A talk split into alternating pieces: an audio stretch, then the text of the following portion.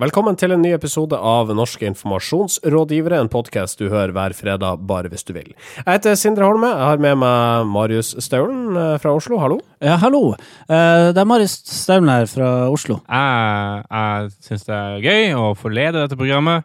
Samtidig så er jeg glad for at jeg har beholdt min eh, ekte dialekt. Faen, det blir ikke like bra. Nei, det blir ikke bra. Det Når blir vi bytter roller, rollebytte, Ja, funker ikke så bra. Å, det var dårlig. Vi bytter ikke mer roller, og det er altså Marius som sitter i Bodø, hvis det var noen som ble lurt av sketsjen min eh, innledningsvis. Og så er det Sindre Holme, da, som sitter i eh, Starcom Studios nede i Oslo. Han har vi allerede hilst på, sammen med Marius uh, Torkelsen, standup-komiker, podkast-prater og medieselger. Velkommen også til deg. Ikke medieselger, jeg er mediekjøper. I hvert Ja, fall. ja, mediekjøper, ja. Ja, hvis jeg skal være noe, så er jeg i hvert fall det. Uh, jo, takk. Jeg, jeg, jeg er beæret for å, å få lov å slippe inn igjen, etter at jeg nok en gang svikta dere på kort varsel. Hva var det du gjorde forrige uke? Jeg var på uh, matlagingskurs. Fy faen.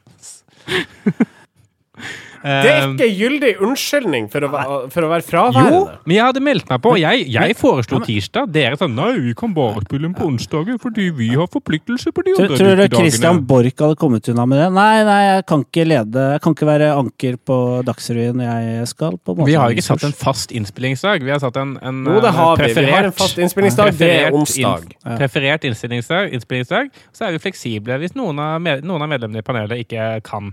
Fordi de har Ja, forpliktet seg til men vi, andre vi, ting. er fle vi er fleksible hvis man spør i god tid, men du spurte på mandag. Kan vi spille inn i morgen?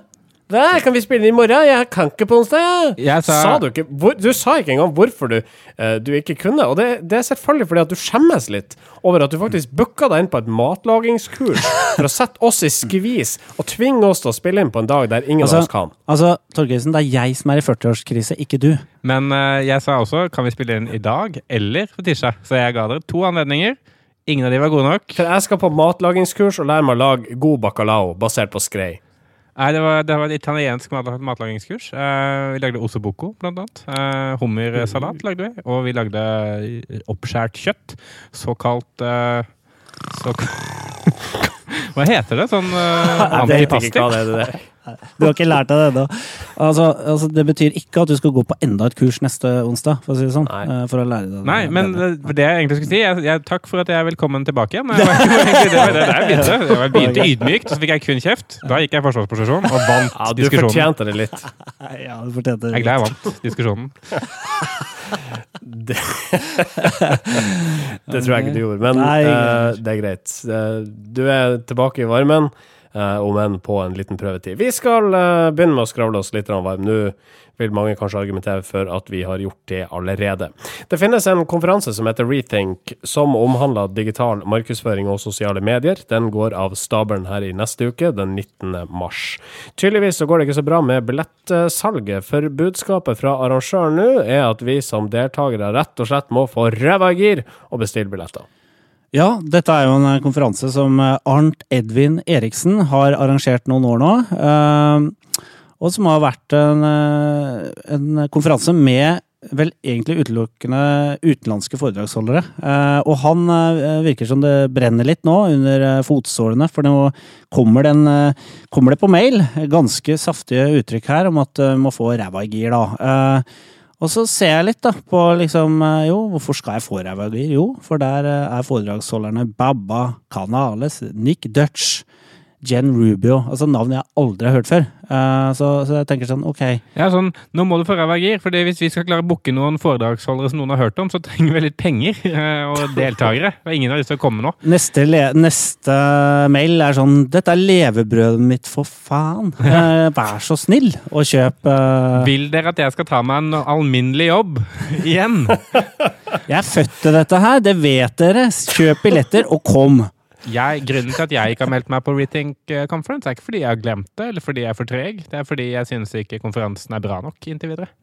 Mm. Så det er mitt, inn, mitt innspill. Kjedelig. Akkurat samme grunn som jeg ikke har meldt meg på mye annet uh, av uh, lignende eventer. Det er jo stor konkurranse. Nå er jo veldig mange konferanser der ute. Kampanje driver og arrangerer mange. Har, ja, det er nok å velge i. Amfo, Jeg vet ikke. Alle mulige annet. Comfex. Det er mye å Kommunikasjonsforeningens høstseminar. Ja, høst, eller vårseminar, da. Vårseminar, Eh, høstseminar, Avdeling høst. høstkonferanse, Ja, nei, ja. Ja, greit. Greit. Vi, vi tar poenget. Eh, apropos nordlendinger. Tidligere Nobelkomitésekretær Geir Lundestad ute og kjekka seg. Da han denne uka talte borte på Columbia University i USA, så ga han et lite stikk til Torbjørn Jagland, som da nylig er kasta som leder i komiteen. Temaet var Kina og deres forhold til hele Nobelprisen, og jeg parafraserer noe Lundestad da uttalte. Regimet i Kina er veldig redd for komiteen med fem ukjente nordmenn. Eller Jagland ville vel ikke være enig i det, han tror sjøl han er litt mer berømt, så de er redd for fire ukjente og en kjendis, da.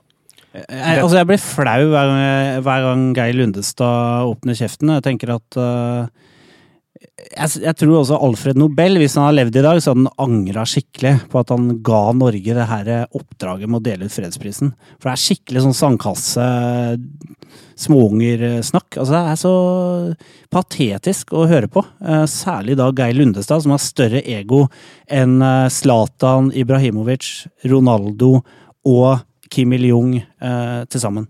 Samtidig så tror jeg altså at dette kanskje var en spøk. Det, altså, sånn, det høres ut som en typisk sånn eh, spøkoppsett. Sånn derre fem ukjente nordmenn. Ok, ikke Torbjørn Jagland. Og så funker spøken fordi Torbjørn Jagland faktisk er litt kjent. Da, altså fordi de på Columbia University sikkert har hørt om den. Uh, så jeg syns dette også hadde passet inn i den uh, nye spalten vår uh, Dette kvalifiserer til en sak i VG. Men det, kan- det kan jo Jeg syns det, det har et godt eh, Torkelsen har et godt poeng. Det kan hende liksom VG og norske medier har liksom hengt seg opp i det narrativet om at Lundestad hater Jagland, på en måte. Om at alt han vil si om Jagland, vil være et stikk, uansett. Uh, sånn at det egentlig altså, Jagland har tross alt vært utenriksminister, statsminister, og er nå leder for Europarådet. Så det er jo tross alt en internasjonal skikkelse vi snakker om her, da, selv om kanskje folk Og- i USA ikke er så opptatt av hva som skjer. Og jeg, jeg er sånn relativt oppdatert på, på norsk og internasjonalt samfunnsliv. Jeg har ikke peiling på hvem andre som sitter i Nobelkomiteen. Um, Så for deg så er det én kjendis og fire ukjente. ja, det er det. det. Mm. All right. Um, vi har et tettpakka program foran oss og forferdelig dårlig tid, så jeg sier bare hjertelig velkommen til NIR episode 104. Norske informasjonsrådgivere. Og streiken i flyselskapet Norwegian er nå omsider over. Partene kom til enighet tirsdag kveld denne uka. Gjennom, 11 dager, gjennom den elleve dager lange streiken så har det foregått en voldsom PR-krig, da med Parat og piloter på den ene sida og Bjørn Kjos på den andre. Professor i retorikk ved Universitetet i Bergen, Jens Kjeldsen, mener det er Kjos som har kommet best ut av omdømmekampen. Han taler rett til det norske folk. Det hørte vi ikke så ofte fra pilotene, sier Kjeldsen til Dagbladet. Og vi skal høre et eh, lite klipp som eh, kanskje understreker noe av det Kjeldsen er inne på her. Personlig synes jeg det er helt forferdelig tragisk eh, og at så mange passasjerer berøres. Er, vi har en eh, plikt å ta vare på passasjerene, så det må vi prøve å gjøre så langt vi kan. Så jeg synes det er en ytterst tragisk situasjon. Ja, Det sa altså Bjørn Kjos i en pressekonferanse 4. mars. Han taler rett til eh, folket og de som blir ramma her. Ja, han, han snakker jo liksom eh, først og fremst om eh, konsekvensene, og ikke om konflikten. ikke sant? Og det, det tror jeg er liksom kjernen i grunnen til at folk har snudd litt. fordi ofte er det, er det jo veldig lett å få sympati for streikende part. For det er jo ofte sånn David mot Goliat. Det er som de få mot det store konsernet som eh, prøver å få sin kamp eh, gjennom. Men i og med at Norwegian konsekvent i all kommunikasjon har snakket om konsekvensene eh, streiken får for de reisende, fremfor å snakke om Parat og snakke om kravene, så har de faktisk også klart å vise at de er på eh, de reisendes side. Og samtidig så har også pilotene fått en del sånn eh, historier spunnet opp rundt seg. Sånn det har vært en del saker på millionlønnen deres. Det har vært en del saker som virker som er liksom nesten sånn plassert i mediene av uh, flinke PR-folk i Norwegian, hvor de måtte ha fått eh, pilotene til å framstå som, som en litt sånn grisk gruppe. Eh, det er ingen grunn til at de skal tjene så sykt mye når sykepleiere tjener, mindre. Jeg husker jeg var en sak blant annet for en ukes tid siden. Og det, det virker som det er, dette er liksom et resultat av godt kommunikasjonsarbeid. fordi når man vinner opinionen i en sånn ting, så er det veldig vanskelig eh, å, å tape konflikten. Men det er kanskje vanskelig uh, for pilotene. Nå sier jo både pilotene og Parat at dette her aldri var en kamp om lønna.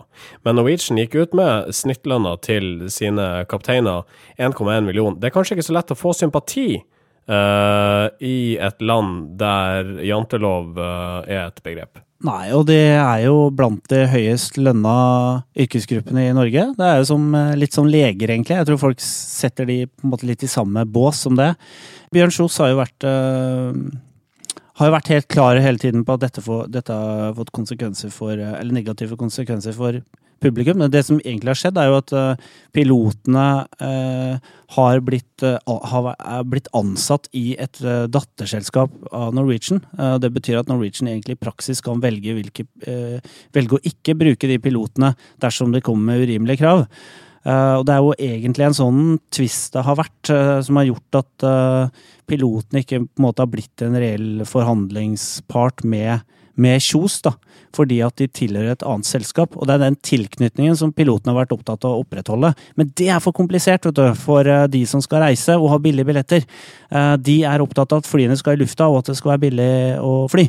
Det har vært vanskelig, føler jeg, å få grep om hva dette her egentlig har dreid seg om. Altså dette med eh, altså hvor skal pilotene formelt sett være ansatt, det, det er en bit av det. Men Kjos har vært konsekvent på at det kommer ikke til å skje. Vi skal ikke ha ansatte i dette selskapet her av hensyn til unnskyld, investeringene uh, vi gjør ja, i flyparken. Altså det er jo det er bare en liten bit av det. Hva i alle dager den der streiken har handla om utover det, da? Jeg har ikke peiling. Altså, jeg, jeg sitter igjen med det inn- inntrykket at egentlig ingen helt vet. Eh, fordi eh, veldig mange av pilotene har jo egentlig sett til Parat, og det har jo måttet lekket en del ting underveis på at det har vært en del av pilotene som ikke helt har skjønt eh, hvorfor eh, de er i streik, annet enn at de ikke hadde lyst til å jobbe eh, inntil noe et eller annet var løst, og at Parat og, og Norwegian-ledelsen forhandlet liksom litt sånn nest, altså, det var, Lenge var det nesten ingen forhandlinger i hele tatt. Det var kun liksom, ytringer i mediene.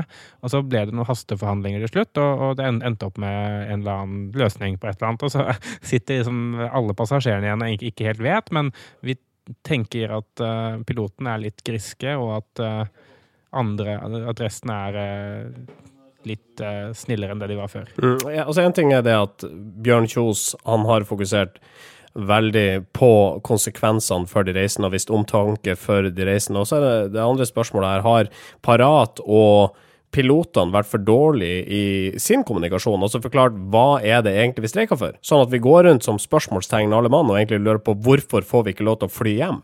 Er veldig godt spørsmål. Jeg er veldig usikker på om Parat og pilotene kunne eh, vinne denne eh, konflikten i opinionen. Da. Det kunne hende de kunne vinne eh, saken sin, eller vinne fram Uh, overfor Norwegian, men jeg er usikker på om folk flest uh, hadde klart å tatt inn over seg hva den konflikten handler om.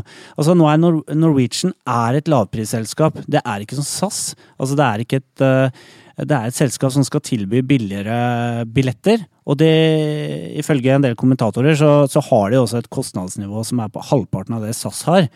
Sånn at det er liksom det Norwegian hele tiden jobber med, og det er et, noe folk skjønner.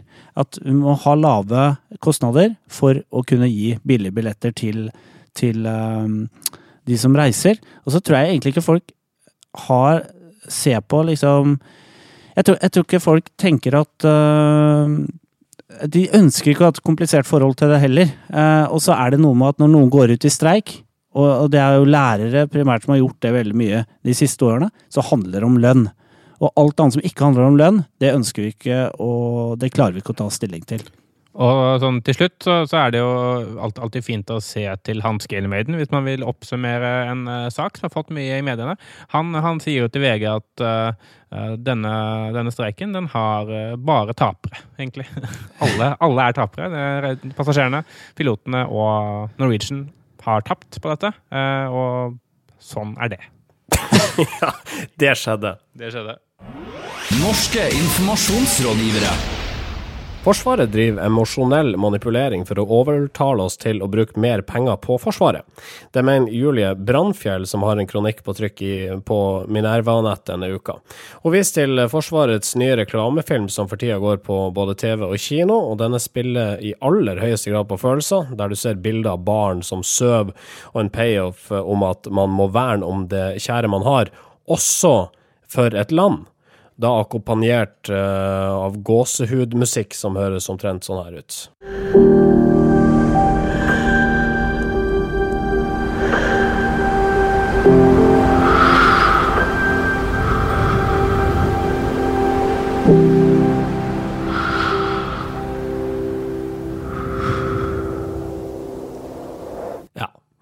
Brannfjell eh, mener at det ikke er greit at Forsvaret styrker egen merkevare for å øke viljen blant folk til å støtte økte bevilgninger. Nei, eh, hun sier det. Og, eh, og Forsvaret har absolutt dreid sin kommunikasjon de siste åra. Før så handla det veldig mye om eh, Du kunne se folk i grønne uniformer som var, var ute på oppdrag eh, og, eller på øvelse. Og det handla veldig mye om å liksom rekruttere folk til Forsvaret. Nå er det jo sånn at Nå er det sånn at Forsvaret Nå er det jo ikke lenger verneplikt i Norge. Det var det den gangen jeg var 18 år, eh, for 100 år siden. Det er vel verneplikt fortsatt, ikke?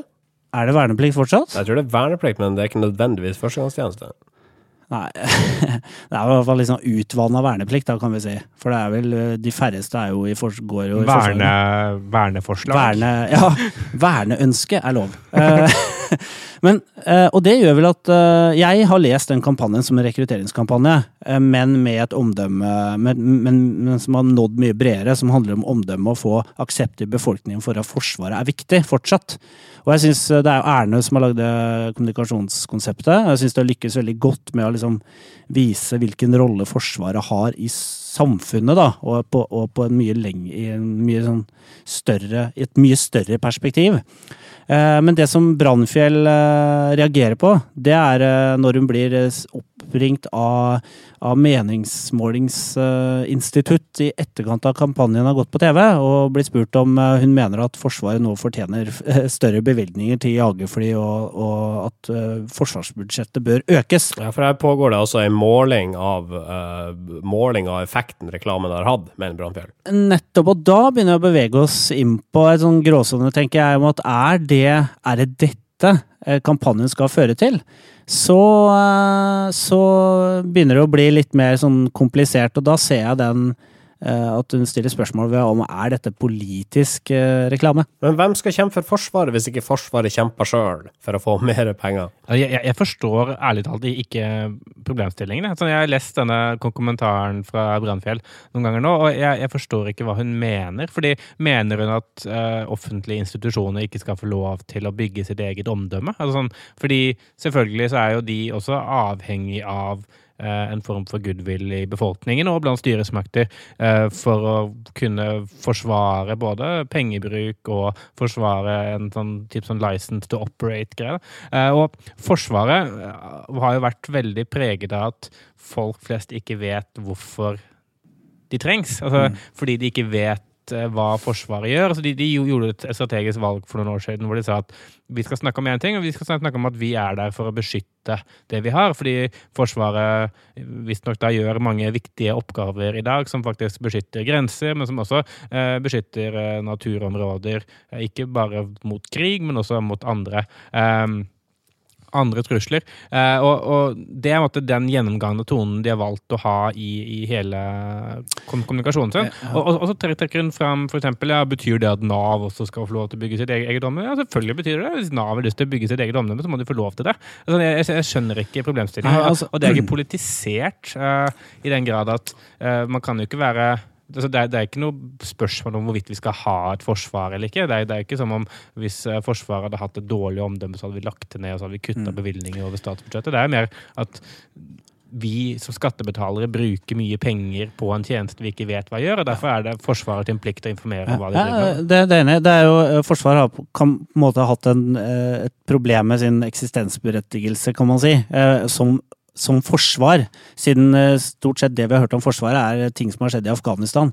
Og det høres jo ikke ut som et forsvar, men et angrepsstyrke, egentlig, som det har vært. Eh, Så det er viktig for Forsvaret å si at egentlig så er det jo Norge vi beskytter, i, i bunn og grunn. Og nå med liksom Russland som eh, som eh, rører på seg i, i nord og øst så, og, og flyr eh, langs norskegrensa og sånn, så gir, nok det her gjenklang. Altså Det som jeg tror Jeg syns eksempl, eksemplene hennes, hennes, hvor hun sammenligner med Nav og Kulturdepartementet, at de skulle lagd egne kampanjer, syns jeg bare tull. For det syns jeg absolutt de skal også få lov til. Å, å å- å drive omdømmekampanjer. og Det gjør man jo indirekte når man har, eh, snakker om tjenestene sine, så snakker man også om påvirker man jo omdømmet også. Men det som er litt spesielt, er jo når Forsvaret begynner å stille spørsmål om, om liksom, Begynner å linke dette her med til bevilgninger av penger. Eh, så synes jeg, jeg synes at eh, egentlig ikke den, Jeg syns den koblingen der kan være litt sånn uheldig. Da. Jeg tenker at folk Det er veldig fint å se om kampanjen har virka, se om folk er mer positive til Forsvaret, og se om eh, vi eh, forstår mer hva eh, Forsvaret sitt eh, oppdrag egentlig er for noe. Men når du begynner å, når du begynner å på en måte prøver å begynne å snakke om å få større bevilgninger på et statsbudsjett, så er jo det en jobb for storting og, og regjering, egentlig. da. Så det, det, det er poenget å si. Forsvaret er vel satt til å gjøre en jobb, og den instruksen har de fått fra politisk hold. Forsvaret mener sjøl de ikke har nok penger til å gjøre jobben. Da er det vel kanskje deres jobb også å skaffe de pengene. Om det så innebærer å overtale befolkninga til å påvirke politikerne sine til å gi mer penger, så må vel det være innafor. Ja, jeg mener det. Eh, Jeg syns, eh, det er greit, jeg. Altså, hvis, hvis flere hvis, altså, Forsvaret uten bruk av løgn, da. Det må vi forutsette at Ja. eh, kommunikasjonen de, de kommer med, er sann. Eh, hvis den er løgn, da er jeg enig. Da er det jo ytterst problematisk. Men, men hvis, hvis det er sant, så, så er det jo bare bra at de informerer om at de har et behov for penger, og at eh, folk er klar over det. Og, så- og Sindre, din sluttkommentar. Min sluttkommentar? Jeg syns jeg syns Forsvaret skal få eh, mer penger, jeg, før, eh, før det er for seint. Det er du som utrydda den begalske tigeren, altså. Brukte du alle kommunens penger på PR-byrå? Flyttet du makt i favør av andre enn dine oppdragsgivere? Sendte du hatmail til innvandrere mens du satt i regjering? Dette skal ikke skje i forhold til det, så legger jeg meg flat. Det var ikke meningen at du skulle finne ut det, jeg legger meg flat. Nå ble det veldig mye negativ presse. Jeg legger meg flat. Jeg tar det til etterretning og legger meg paddeflat. Jeg legger meg flat. Flatindeksen. Ja, det er den lengste jingeren vi har her i NIR, i hvert fall enn så lenge. Hjertelig velkommen til Flatindeksen, men det er ikke mine ord å si. Dette her er de spalte, Torkelsen.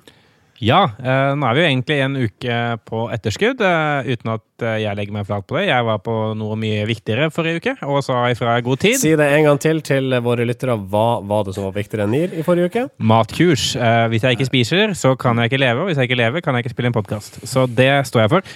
100 eh, Eh, Torkelsen er også veldig fleksibel. altså Når han mener noe, så er han veldig Han skifter veldig fort mening. Ja, jeg eh, har eh, for vane å vende kappen etter den berømte vinden. Ja. Eh, og den kappen, den, den spinner, for å si Så når sånn. du er i undertall, så skifter du mening. Ja. Du står ikke på ditt. Nei, jeg står ikke mitt. Nei, Det, det ikke. Ok, greit, greit, greit. Kjapp oppsummering av hva flatindeksen er for våre nylyttere. Gjør du noe galt eh, som institusjon, som idrettspersonlighet eller som eh, vaskebjørn, så, så får du jo kritikk. Det er kanskje berettiga.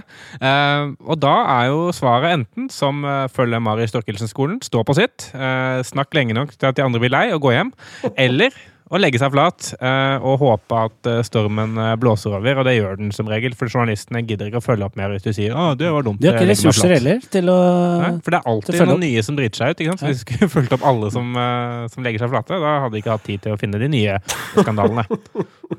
Vi mener at flatlegging er en uting. Det er vår offisielle mening utad. Derfor så rangerer vi måned for måned eh, altså de som har lagt seg flat gjennom måneden, og kårer da eh, den, den flateste, flateste på en pall av tre. Ja. Og eh, tredjeplassen denne måneden, eh, den, eh, den går til eh, personalet eh, på Nirdavoll skole eh, i eh, Trøndelag. Adresseavisen kunne denne måneden melde at det ble litt bråk fordi de hadde hatt et problem på skolen hvor det på guttetoalettet var mye urinering rundt omkring, liksom på vegger og alle steder enn i, i pisserenna. Og I tillegg så var det en avføring i søppelkassene som var et problem. Så det lærerne da gjorde, var å si at vi har et overvåkningskamera på do, og feeden der den går direkte inn på rektors kontor. Så rektor sitter og ser dere når dere er på do.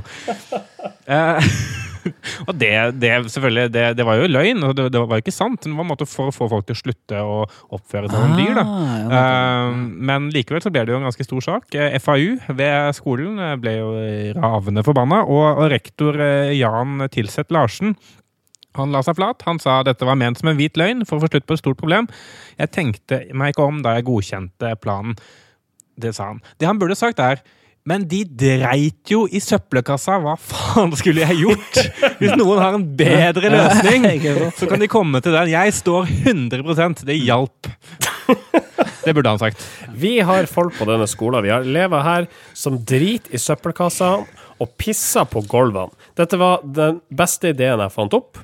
Hvis Ja, den eh, funka. Ja, den, den fungerte, uh, tydeligvis. Men hvis noen i dette FAU-et har uh, bedre forslag, kom med de, så kan vi vurdere nye tiltak.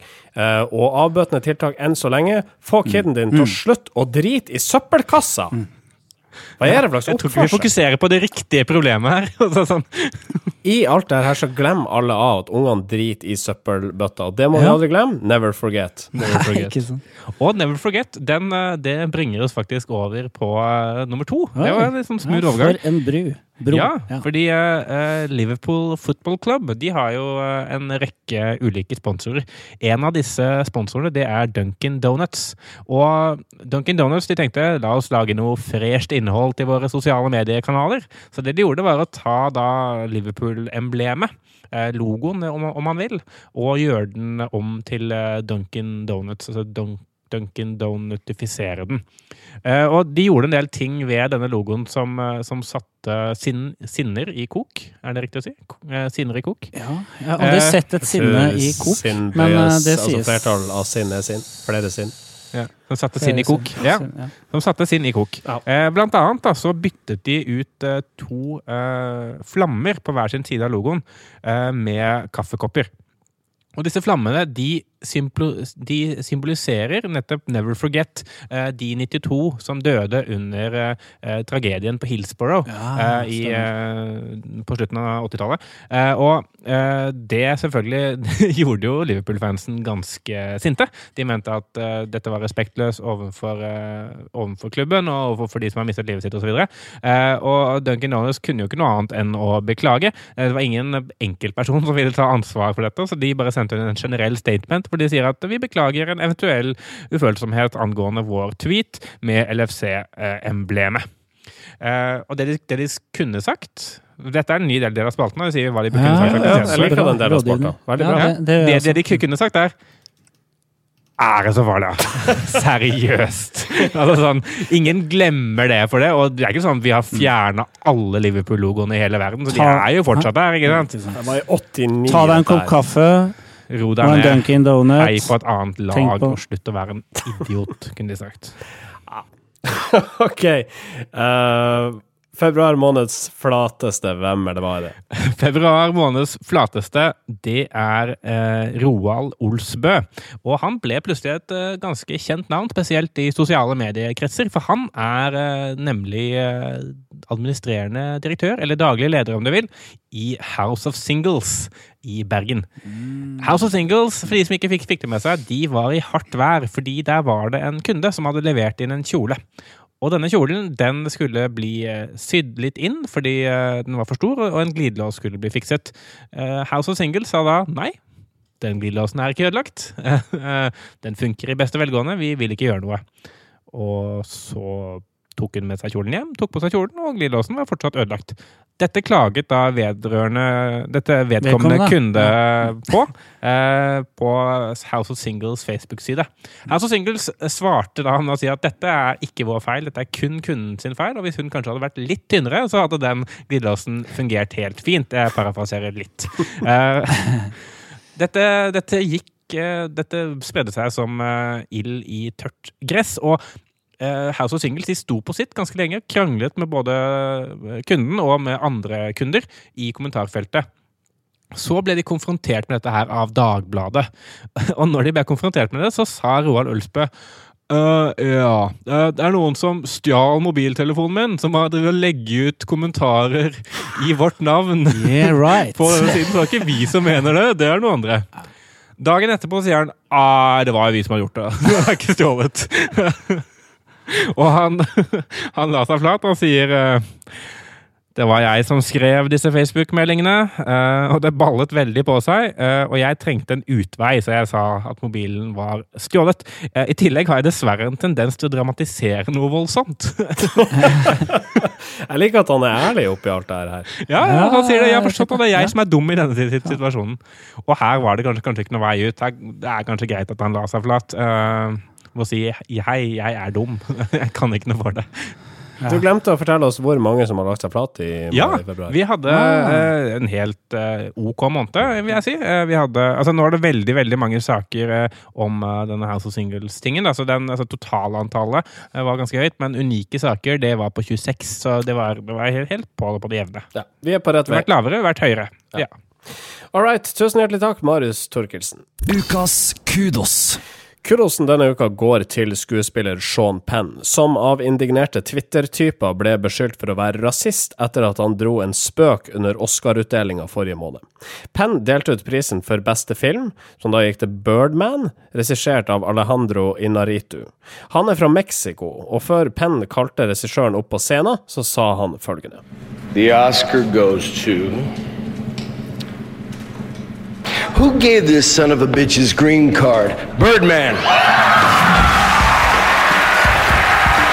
Oi, oi. Oi, så rasistisk! oi, oi, oi, så rasistisk og rasist, sa Twitter-kommentariatet. Tenk å spøke om grøntkortet ved introduksjon av en meksikaner. Det er jo sånn eh, amøbene på Twitter reagerer eh, umiddelbart. Eh, Det er en sånn refleks de har. Eh, Og oi!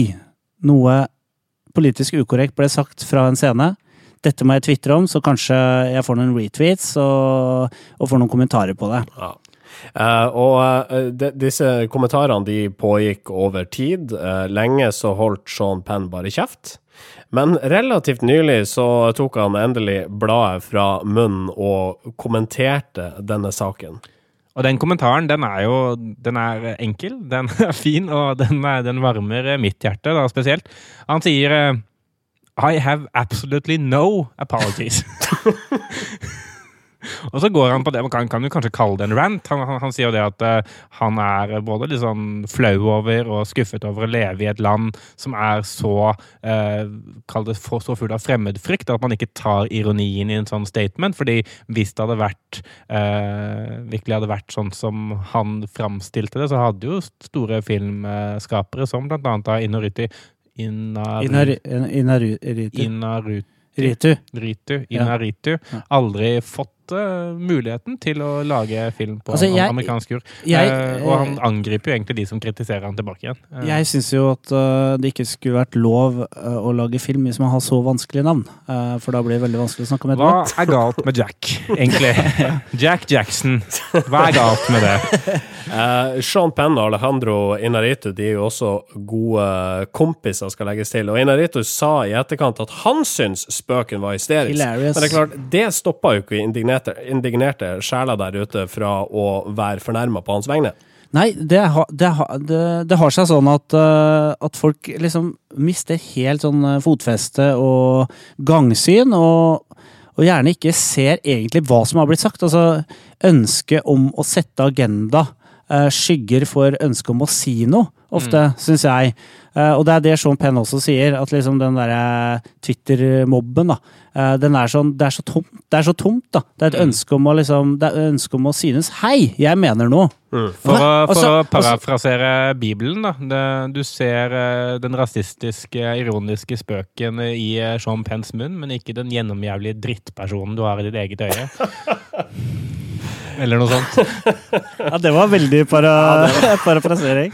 Vi har Eh, brukt ordet parafraser for mye i denne sendinga. vi kan Ja. ikke bruke det igjen. Uh, men altså, kudosen går til Sean Penn, som altså nekter å legge seg flat pga. gnålinga til noen mennesker på Twitter. Eh, og det er i Nirs ånd. Jeg håper eh, at eh, når en norsk leder, f.eks. Erna Solberg, gjør noe galt neste gang, så innkaller hun til pressekonferanse, setter seg på podiet foran journalisten og sier hun Jeg beklager ingenting. Nei. Og så går hun. Er null. Slipper mikrofonen. Bom! Går av scenen. Norske informasjonsrådgivere. Det går mot slutten. Vi rakk ikke å prate om eh, forfatter og spaltist Tore Renberg, som tror papiravisa kommer til å gjøre comeback. Um, og på et tidspunkt kommer uh, papiret til å bli like populært som vinylplata, skriver Renberg i en kommentar i Aftenbladet. For han har nemlig gjort et eksperiment. Han har gjort et eksperiment. Han eh, abonnerte på, på papiraviser, Aften, Stavanger Aftenblad blant annet, eh, og lot være å abonnere en periode. Og fant ut at eh, hele familien ble rett og slett dummere av det. Eh, og han skylder det på, på at hver og en, etter at de slutta å abonnere på avisa, så satt de foran hver sin skjerm og og spilte Minecraft og masse forskjellige andre ting, så på serier. Og det han konkluderer med, er rett og slett at iPad-skjermene er for bra. Eh, jeg syns det er et godt innlegg, dette her, men det er et premiss jeg ikke helt kjøper. Eh, At, at fravær av papiraviser lammer nyhetsinteressen. Han sier at han ikke fikk med seg at det var sjakk-VM, og at han ikke fikk med seg at norske økonomien gikk dårligere. Altså, jeg leser stort sett aldri papiraviser, men dette her, det får du med deg uansett. Ja, og da, Det har vel kanskje noe med vennene hans å gjøre. At han blir mer opptatt av hva vennene deler på Facebook. Og da har han feil venner. Altså uopplyste venner. Og, eller dumme folk i kretsen sin, da. Eh, Så det er kanskje det som er, kanskje er problemet hans. Mange av vennene hans var og kjefta på Sean Penn. Men det er jo litt sånn morsomt allikevel at han sier at det er litt som vinylen. For det er jo ikke det. Ja, for det det var det jeg egentlig reagerte på her. var jo sånn, Hvor jævla populært er egentlig vinyl? Altså, sånn, Ja. det er sånn, det er hipstersk, jeg er med på det. uh, men, men det er ikke så populært at, du, at, du kan, kan, at mediehusene kan leve av det. Og så er det ikke sånn at du samler på eh, papiraviser som du gjør på vinyl. Uh, I hvert fall uh, ikke normale folk gjør det. Da hadde vel ikke hatt så mye mer plass til å Harald bevege deg. Stanghelles kommentar på papir fra den legger 2006. Den setter jeg inn i hylla. Ja. Ja. Mm, dra den fra meg, kose meg med en uh, Bakke Gabrielsen Exo. Bjørgulf Bråens eh, lederartikkel fra 93 eh, i Klassekampen. Mm. Ah, De lager ikke sånn journalistikk lenger. vet du. Fantastisk. ikke. Jeg mente på om LO Nei, ikke sant? Han føler journalistikken i hendene. Eh, men ja, ja. Men Jeg, jeg, eh, jeg syns det ofte er mye lettere å, å, å latterliggjøre sånne kommentarer enn å sette, sette meg ordentlig inn i dem. Ja. Så det, det, det- velger jeg Vi. Beklager det, ja, det er ikke meningen. ja. Vi vil ikke, vi vil ikke. Jeg har, jeg har lest eh, kommentaren, og jeg, som sagt, jeg synes eh, den var, det var vittig lesning. Så få gjerne med deg den. Tore Renberg, eh, som har skrevet om papiravisa i Aftenbladet. Eh, på sendeplanen min så står det også at vi også skal prate om nå avslutningsvis at Instagram har blitt en mer populær annonsekanal enn Facebook, i hvert fall borte i USA. Men kan vi bare droppe det? Ja, vi dropper det. Vi får ta det en annen gang. Ja, ta annen gang. Vi tar det en annen gang. Nearcast.yahoo.com. Du finner oss i din favoritt-podkast-app, um, og iTunes, selvfølgelig. Du finner oss også i soundcloud.com slash nearcast. Og det gjelder også deg, Trym Stene, som aldri svarte på vår henvendelse om å ta over sosiale medier-eliten-kontoene i sosiale medier. Eh, Du må begynne å høre på oss, og så må du svare, rett og slett, eh, på Ja. det spørsmålet vi stilte deg. Eh, For du kan ikke bare gå under jorda og late som ingenting. Kanskje Kristin, Kristin Skogen Lund kan svare oss? Ja, vi kan jo ta det til topps. Altså, det er vel kanskje mer effektivt. KSL, hun får ting gjort, har jeg hørt. Ja. uh, neste uke så blir det ikke sending, for da er det undertegnede som er borte. Jeg tror jeg har Right. gyldig fraværsgrunn. Jeg er på ferie. Å ja. På matkurs i eh, Hvorfor sa du ikke- sa du ikke fra til godt nok tid? fortell lytterne hvorfor du ikke er Marius Staulen signer ut, eh, sammen med Marius T og Sindre H. Eh, ha en fortsatt fin dag. Vi snakkes. Ja, det gjør vi. Ha det en godt, da. dag! Norske informasjonsrådgivere.